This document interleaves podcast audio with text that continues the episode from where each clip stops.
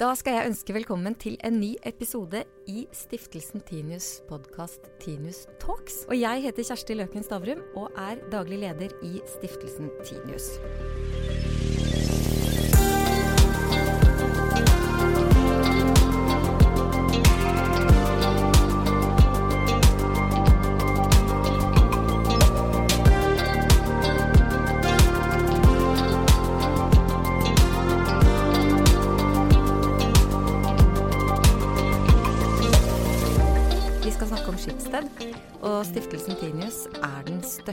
Eieren av mediegruppen Schibsted. Og for å gjøre det enda bedre, så har vi da som gjester med oss Kristin Skogenlund, som er ny administrerende direktør i Schibsted. Kommer fra NHO som administrerende direktør i NHO, vært konserndirektør i Telenor før det, og dessuten vært direktør i Aftenposten før det. Og til å snakke om Schibsted i samtale med, får jeg si, eh, så har vi også Ole Jakob Sunde, som har sittet i styret i Schibsted i 18 år. Og 16 av de årene så har du vært eh, styreleder. Og du er jo dessuten også styreleder i Stiftelsen Tinius, og har jo basen derfra, for å si det sånn.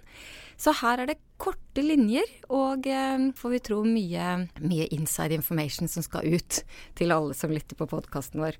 Velkommen til dere begge to. Og grunnen til at vi skal snakke om Skipsted, det er at det er store ting på gang i konsernet. Ikke bare har eh, Skipsted fått ny administrerende, men det skal også deles. Og det har aldri skjedd før. Hvorfor må Skipsted deles nå? Ganske enkelt fordi at det vil utløse mye skaperkraft. Eh, Vi har eh, over en eh, årrekke satset mye på våre rubrikkannonser på, på nett. Det har jo vært en fantastisk suksess. Jeg vil våge å påstå at det er kanskje den første enhjørningen som ble skapt i Norge. Altså et selskap som vokser til 1 milliard dollar innenfor ti år. Så Skipsted har all mulig grunn til å være stolt av det. På den annen side eh, så har det også vært veldig mye god skaperkraft som ligger i de nordiske selskapene våre. Og etter hvert så så vi at de kanskje kom litt i konflikt med hverandre. Det å kunne utnytte potensialet både i det som ligger i våre internasjonale eh, rubrikkannonsesider, eh, og det potensialet som ligger i våre nordiske virksomheter. Så for å ivareta potensialet i begge virksomheter, eh, så fant vi det riktig at nå eh, kan vi få mer ut av begge deler ved å dele det i to selskaper. Ja, for det man også gjør, er at man tar de, de, de Finn-lignende selskapene som er utenfor Norden i eh, eget selskap, og så eh, sitter man igjen med, må man kunne si, et selskap i, i Norden som skal ha alle avis- og mediehusene som Schibsted eier, i Norge og Sverige, og Finn i Norge og Blokket i Sverige. Og ikke minst Torry eh, og eh, flere andre tjenester. Både prisjakt og Lendo i Finland. Så Finland blir jo et nytt og viktig område for oss, hvor jeg tror det ligger også mye muligheter fremover. Mm, og da må vi jo starte med den nye jobben din, da, Kristin. Jeg skal spørre deg. Eh, hvorfor var det halve Schibsted du hadde lyst på, ikke hele? Jeg syns det gir mening, jeg, den eh, splitten. eh, og eh, jeg eh, tenker at det er eh, mer enn nok å bite i. Og det er et stort potensial i nye Skipsted, Og det blir en stor oppgave å få lov til å vokse det selskapet videre. Og så opplever jeg jo at det er så 说。Meningsfylt det Skipsted driver med. Og for meg er det veldig viktig å ha en jobb hvor jeg virkelig tror på formålet med det jeg bruker så mye tid og energi på, og det, det er en god match for meg. Men så skal det vel også sies at Skipsted eh, skal jo sitte igjen med 60% av det nye datterselskapet som blir denne internasjonale rubrikk, rubrikksatsingen. Så du har vel egentlig kontrollen likevel? Ja, altså jeg har allerede gått inn i, i styret der, og det blir en viktig del av min jobb inntil videre å forvalte eierskapet vårt i det nye nye selskapet på en god måte. Og så får vi jo se, for litt av poenget med å lage en sånn splitt er jo også at det selskapet da skal stå litt friere til eventuelt å inngå nye allianser. Så vi får jo se hvordan det går. Men inntil videre så er vi jo hovedaksjonær, og det blir en veldig viktig oppgave å forvalte det på en god måte. Det utgjør jo en ganske stor andel av den totale verdien i Skipsted. Hvor stor andel av totalen av verdien i Skipsted er det som skilles ut i et datterselskap, Ole Jakob? Det tror jeg jeg skal overlate til uh, regnemesterne på børsen å uttale seg definitivt om. Det blir vel omtrent to selskaper som er jevnstore uh, i børsverdi, uh, hvis du uh, da hensyntar at Skipsted eier 60% av det som da, som arbeidsnavn i hvert fall, heter dette mysti litt mystiske MPI, Marketplaces International. Men det har jo vært, så ærlig må vi vel være, at det har jo vært snakka og lurt mye om hvorfor ikke Skipsted har blitt delt før. Fordi man har hatt denne store porteføljen med eh, internasjonale Finn-lignende selskaper, og så har man hatt eh, mediehusene, og det har vært så, etter hvert så forskjellige ting. Hvorfor ble det riktig å dele dette selskapet nå? Ja, dette er jo ikke en beslutning som treffes fra en dag til neste. For å utforske det potensialet som ligger der, så tror jeg at det er riktig å gjøre det nå. Lenge har jeg hatt den oppfatningen at de internasjonale classified-sidene som vi har, har hatt utmerkede vekstvilkår innenfor eh, det systemet man eh, har. Eh, men man ser jo at det å kunne videreutvikle den internasjonale delen med alt hva det krever innenfor et stadig mer konkurranseutsatt marked, det er viktig. Men ikke minst også at Skipsted har veldig mye interessante virksomheter i Skandinavia. Og det er jo viktig at de får den tilførselen av kapital og av uh, lederfokus uh, som er nødvendig for at de også kan ta ut potensialet. At det ikke må bli slik at man går i bena på hverandre, men heller at man kan da få uh, armslag nok til å utvikle seg på egne premisser. En eh, kanskje utenfra sett naturlig måte å dele Schibsted på, Kristin, ville jo vært å, å tatt alle disse rubrikkselskapene og lagt det i samme selskap. Og det faktum at vi da nå, særlig i Norge og Sverige, men også potensielt i noen andre land, har en, et, en veldig sterk posisjon både innen markedsplasser og innen ulike medietyper og andre digitale medieinitiativ, det gir oss en veldig kraft. Både så gjør det at vi har mye kunnskap til brukerne i ulike situasjoner. Det gir oss data som vi kan berike produktene våre med, slik at de blir enda bedre for brukerne. Men det er også en fantastisk plattform å bygge nye konsepter ut ifra. Så jeg vil si det er veldig viktig for oss at vi har den helheten i de markedene vi nå primært skal fokusere på. Og så håper jo jeg at vi da kan skape nye, gode konsepter som vi igjen kan klare å eksportere ut i den store verden, og sånn sett skape nye su suksesshistorier ut ifra det. Ja, for det blir vel en oppgave for deg å, å få børsen og alle som har lyst til å investere i Skipsted eller vedde pengene sine på Skipsted, til å til å være tent på at også dette selskapet skal fortsette å vokse? At man ikke har liksom tatt ut en godbit? Det holder vel ikke bare å få dem tent på det, jeg må vel faktisk eh, bevise, tenker jeg, sammen med teamet i Skipsted at dette klarer vi også å levere på. Men eh, det er jo jeg veldig overbevist om at vi skal klare, for vi har et så godt utgangspunkt. Vi har sterke merkevarer, vi har veldig mange flinke folk. Vi har en veldig solid og langsiktig og kapitalsterk eier i, i ryggen. Uh, og jeg har uh, veldig tro på at vi skal klare å, få god vekst både i de produktene vi allerede har, eh, i tilleggende produkter som du kan spinne i nærheten av det, men at vi også skal klare å se litt frem i tiden hvilke trender som kommer, og hvordan vi i Norden kan eh, ta de mulighetene og skape nye konsepter her, som kanskje kan være grunnlag for vekst senere. Datafangst, er det er det, det, som er eh, Skipsteds nye gull?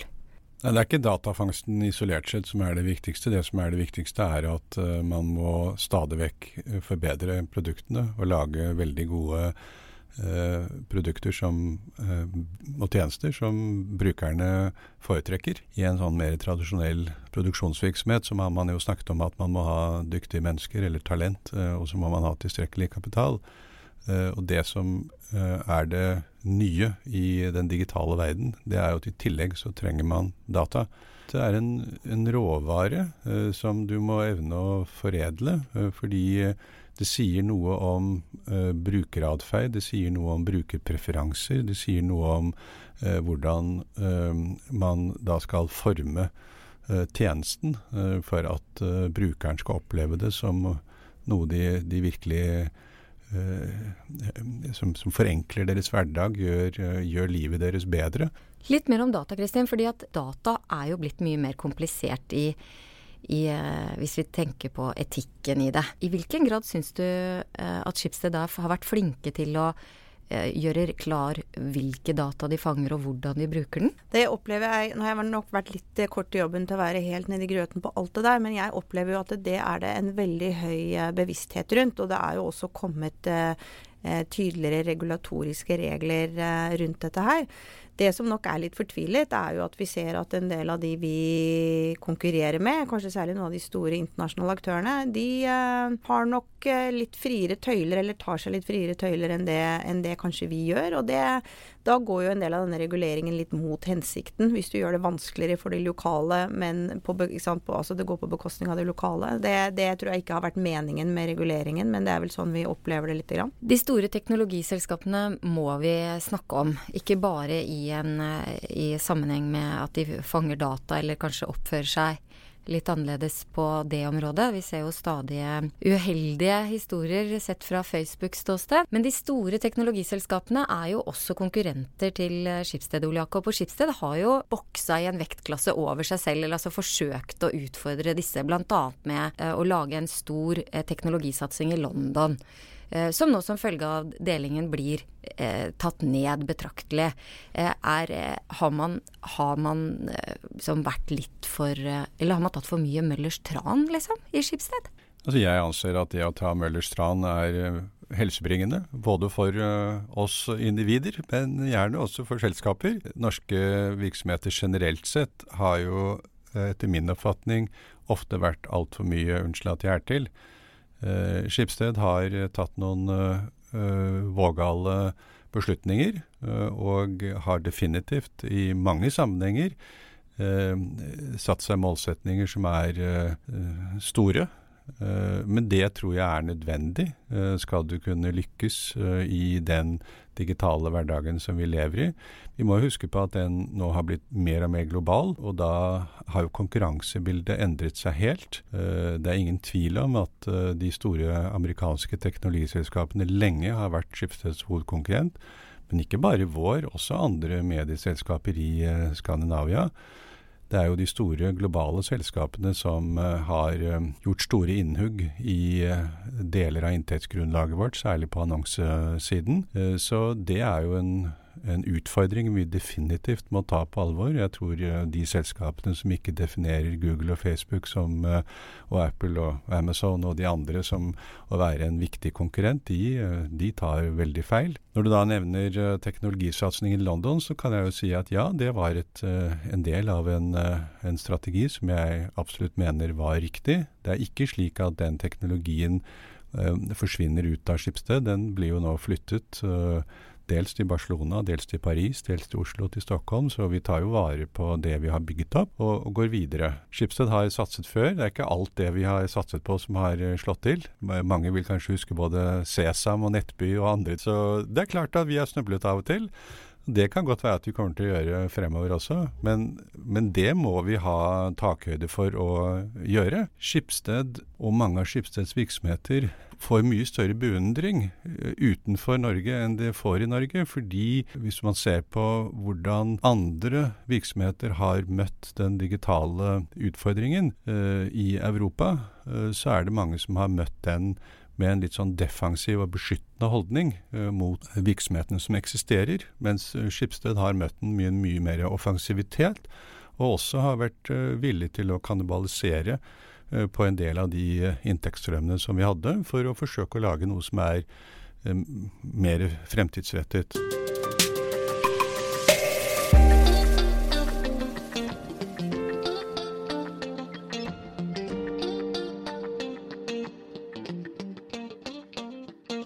Har man vært for dårlig på kommunikasjon, og har du tenkt å gjøre noe med det i tilfelle? Vet du hva, jeg tenker at sånn er det ofte. Jeg jobbet jo i Telenor før, og det var jo akkurat det samme der. Man kom til Asia som en helt, og så man, var man i Norge som en skurk, for da var det alltid en land som ikke hadde dekning. ikke sant. Sånn er det. Eh, eh, så det er nok litt typisk. Eh, men jeg, det jeg tror, er at kanskje Skipsted med fordel kan bli tydeligere på den samfunnsrollen vi har, eh, og den innovasjonen som vi bidrar med. For det kan vi være virkelig stolte av. Og jeg har jo tilbrakt høsten med å gå på Forsvarets høgskole og lært mye om desinformasjon og hybrid krigføring og den type ting. Og jeg har fått blitt veldig bevisst på at dette med å ha tillit eh, og avsendertroverdighet eh, på informasjon og medier, det er viktigere enn noensinne. Der har vi en virkelig viktig samfunnsoppgave, og jeg tror vi skal være stolt av den. Og jeg tror vi skal være veldig tydelige på hva vi bidrar med, og hvordan vi ønsker å ivareta det oppdraget. Ja, for nå har jo du både seks år bak deg i NHO, hvor du jo eh, har blitt kjent med, synes det som, som alt av norsk næringsliv, internasjonalt næringsliv, virkelig, virkelig um, tatt all verdiskapning på pulsen. Og så på dette sjefskurset på Forsvarets høgskole, så har du sånn som jeg oppfatter det, vært under panseret på det norske samfunnet og sett litt ting som, som vi ikke ser. Men, eh, og med dette da som bakteppe for spørsmålet, hvor glad er du i journalistikk? Jeg er selvfølgelig veldig, veldig glad i journalistikk, og jeg hadde jo ikke mindre enn tolv år i Schibsted-systemet. Jeg, jeg, føler jo at jeg har vokst opp med det, og selv om jeg selv ikke har vokst opp som journalist eller i det redaksjonelle, så har jeg vært så tett på det og jobbet så mye med det. Og ikke minst har jeg de senere årene jobbet i en samfunnsrolle hvor man jobber nesten helt integrert med, med journalistikken, eh, og hvordan ting eh, blir kommunisert og oppfattes og debattert hele tiden. Så jeg, jeg, kjenner at det er noe som er veldig nær meg, rett og slett. Eh, og som jeg sa i sted, så opplever jeg nok at også jeg har fått en eh, større ydmykhet og større forståelse for betydningen av god journalistikk fremover. Jeg tror samfunnet vårt eh, vil trenge det mer enn noen gang. Jeg skal også spørre Ole Jakob om dette, men jeg må bare ha ett lite oppfølgingsspørsmål. Syns du at journalistikken i Norge og Sverige har forbedringspotensial? Det vil den alltid ha, men da må jeg samtidig si at, eh, at, gitt også de relativt tøffe markedsforholdene man har hatt de senere årene, og de voldsomme omstillingsprosesser som de aller fleste redaksjoner har stått i, ikke bare i Skipsted, så må jeg si at det faktisk er imponerende hvordan man har opprettholdt og videreutviklet kvaliteten og evnet å tilpasse seg og modernisere eh, uttrykket i mediene. Så jeg syns at det står stor respekt av det. Men det som er så fint, er at ingenting står stille. Og nå er det nye trender, det er nye teknologier, det er nye brukere, det er nye brukervaner. Så jeg tenker også at potensialet for å fortsette å innovere, finne nye konsepter som fenger, og gjøre stadig ting på nye måter, det, det må vi bare fortsette med og kanskje akselerere. Kanskje må vi bli enda flinkere til det. Og som styreleder i Skipsted, eh, så får man jo stadig eh, møter med kritiske journalister, og man får kanskje saker i andre aviser som man ikke og egne for den del, som man ikke egentlig hadde bestilt, for å si det sånn. Ole Jakob, hvor glad er du i journalistikk? Jeg er også en, en både beundrer og bruker av journalistikken. Noen ganger så syns jeg det snakkes for mye om journalistikken isolert sett og for lite om uh, hvilke markedsmuligheter som ligger for um, informasjon som er korrekt, uh, som er presis, og som kan la lage et godt beslutningsgrunnlag. Og jeg er helt sikker på at det finnes store og gode og interessante forretningsmuligheter Eh, med det fremover. Og, jeg tror at uh, man i større og større grad kanskje blir klar over uh, hvorfor man trenger det. fordi man ser tendenser til feilinformasjon i ganske stort omfang. man ser informasjon som har et politisk formål, eller et veldig kommersielt formål. Og man begynner å tvile på, kan du si, hva man egentlig skal kunne stole på. Jeg vil eh, kanskje da avslutte med å sammenligne med at eh, jeg har jo nå hatt eh, sammenhengende skjegg i 35 år. Eh, og lenge så var jeg jo da litt utafor fordi jeg hadde skjegg.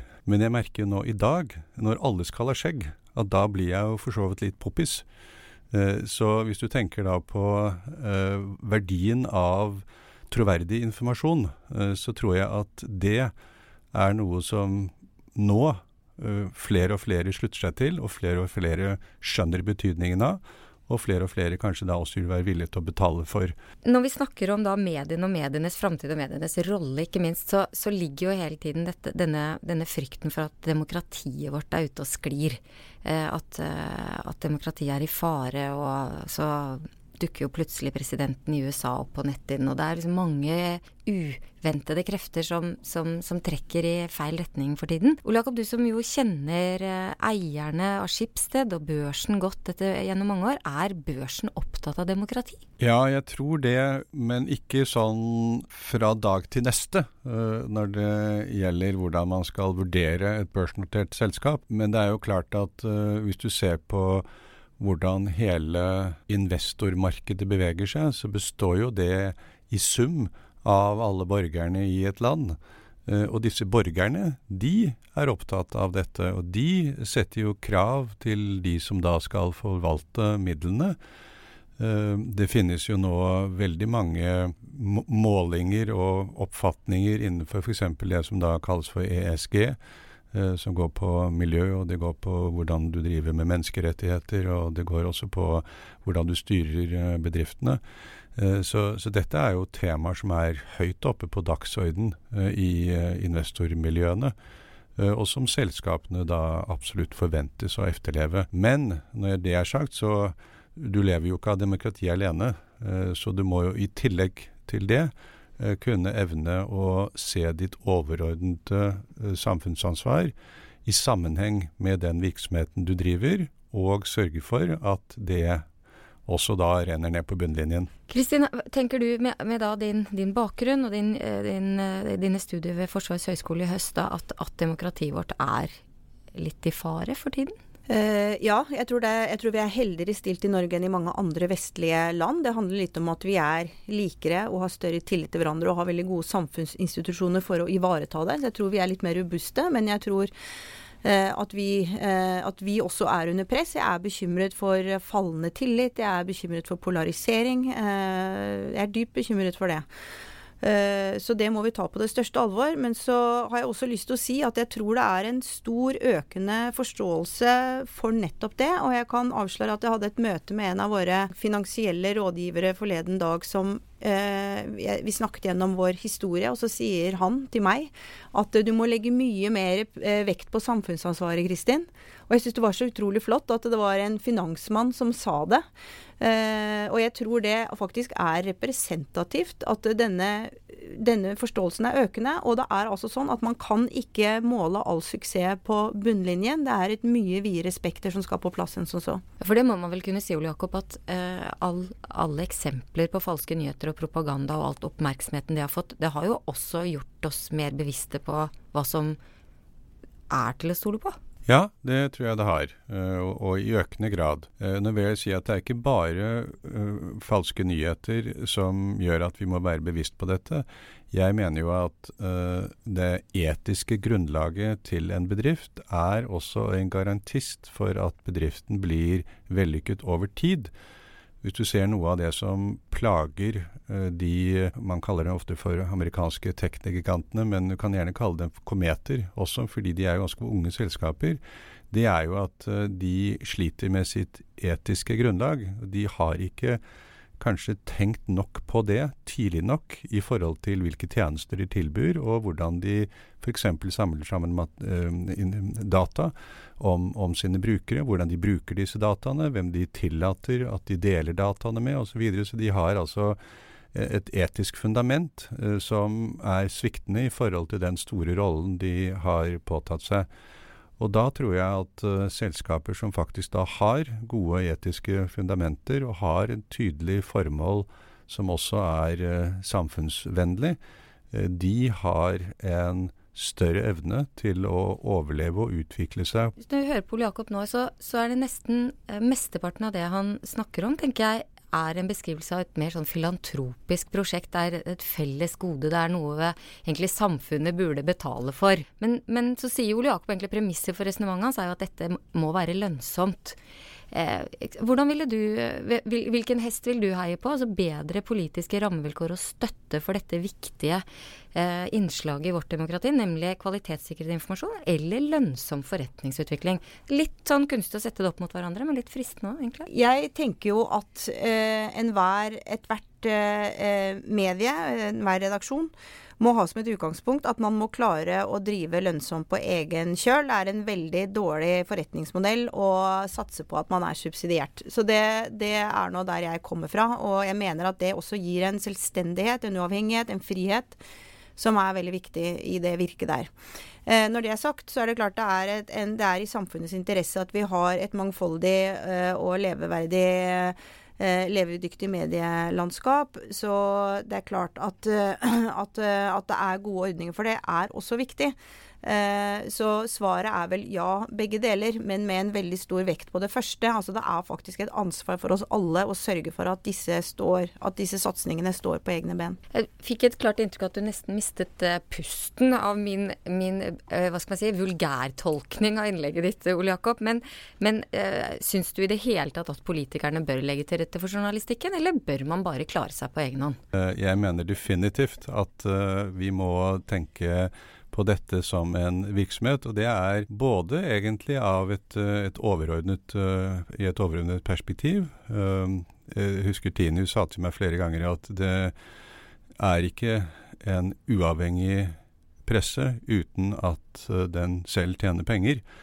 fordi at hvis du ikke tjener penger, så er du ikke uavhengig. Og jeg tror at det er veldig farlig for det journalistiske eh, landskapet og begynne å se på seg selv som en filantropisk virksomhet, da mister det noe av dynamikken eh, over seg. Og Jeg tror vi må på en måte riste av oss litt det at uh, vi har levet i en bransje som har vært under sterkt press, for det har den jo. Og, det har vært mange tøffe tak i media. Eh, men man er jo i ferd med nå å eh, reoppdage, tror jeg, litt mulighetene og reposisjonere media til å igjen eh, ta den plassen i samfunnet som det fortjener, som en interessant virksomhet som både er lønnsom, men som også gjør da en viktig eller betyr mye for, for samfunnet vårt. Så jeg tror det er fullt mulig å forene de to rollene. Altså, når man eh, snakker om framtiden for mediene, Kristin, så, så, er det en del stikkord som er gjengangere. Det er f.eks. papiret skal dø. Eh, vi får mange flere digitale abonnenter. Google og Facebook tar annonsekronene. Hva skjer med distribusjonsapparatet når, eh, når papiret dør?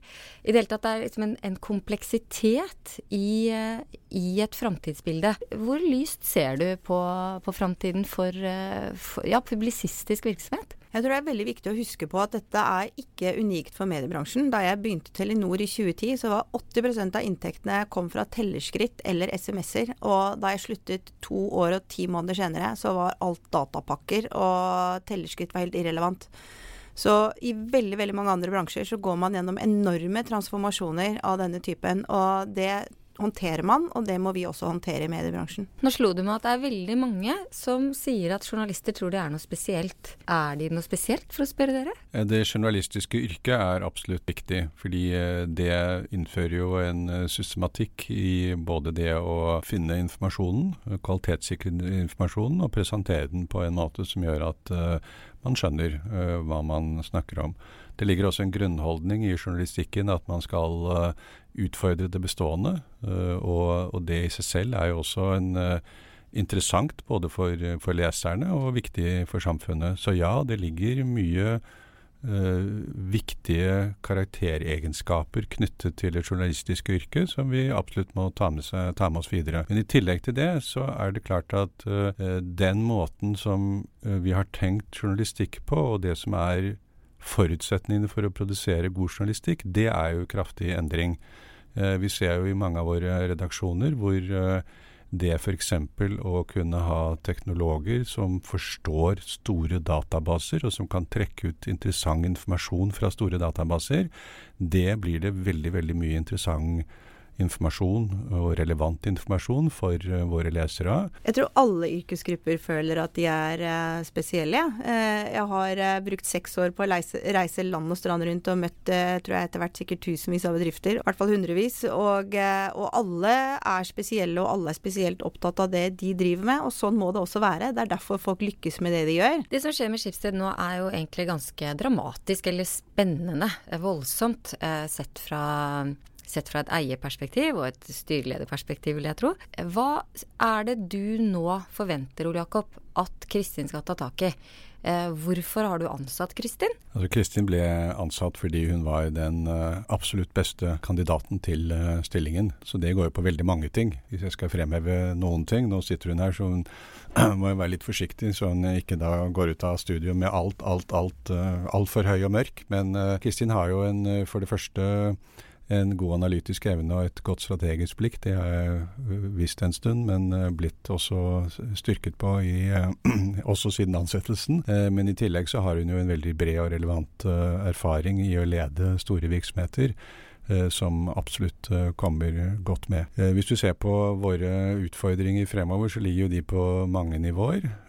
Men jeg mener jo at i Skipsted så ligger det store muligheter i å få oss til å f.eks. samarbeide enda bedre på tvers av våre virksomheter. Vi har jo vært en kultur som på, på godt og vondt har vært ganske desentralisert. Jeg tror alle som jobber i våre bedrifter i dag erkjenner at uh, nå Du brukte uttrykket boksmann over en klasse som man uh, kanskje tilhører, men det, det, gjør jo litt alle bedrifter for tiden, fordi man har fått et konkurransebilde som er så dramatisk endret.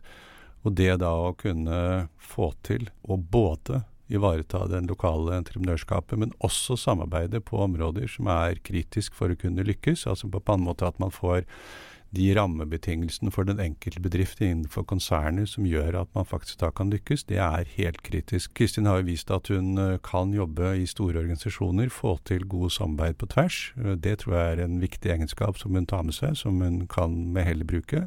Det går jo ikke bare innad i Skipsted, men det går jo også på hele bransjen. Jeg tror at mediebransjen uh, har veldig, veldig godt av å uh, forsøke å få frem gode samarbeidsløsninger på tvers av bransjen. Det behøver ikke engang bare være innenfor mediebransjen, men med andre virksomheter som har lignende utfordringer. Og der vil jo også, uh, tror jeg, kristnes evne til å se en win-win-situasjon uh, være en, en god egenskap. Kristin, du har jo akkurat begynt i jobben, og, men, men samtidig også da forandret allerede ansiktet til Skipsted utad.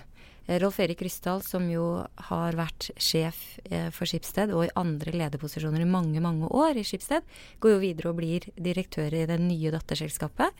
Du blir konsernsjef, du er kvinne, du har en helt annen bakgrunn. Du kommer ikke fra et børsnotert selskap. Eh, hvordan, vi, hvordan, mener du vi skal merke at uh, nå er det du som sitter på toppen? Det aller viktigste er å ta vare på arven, samfunnsoppdraget, verdiene. Eh, så er det som Ole Jakob sier, eh, en viktig jobb for meg. og lage et godt fundament for alle virksomhetene i Skipsted, slik at de kan spille sammen på best mulig måte. Eh, at vi får en eh, organisasjon preget av tillit og samarbeid innad i Skipsted, men også utad mot samarbeidspartnere. Og det siste som jeg tenker jeg håper at folk vil merke, det er at vi skal sprute masse energi og innovasjonskraft inn i dette systemet. Det har vi en veldig god historie for, og vi må bare bygge videre på det og skape ny vekst og nye gode konsepter som blir verdsatt av våre brukere. Så det er vel de tre tingene oppsummert. Samfunnsansvaret, det er samarbeidet, og det er veksten. Da tror jeg at eh, de fleste eh, som har fulgt med helt fra starten, har en viss forståelse når vi da i Stiftelsen Tinius sier lykke til. Tusen takk. Tusen takk. Men jeg gleder meg, da. Ja, det er bra.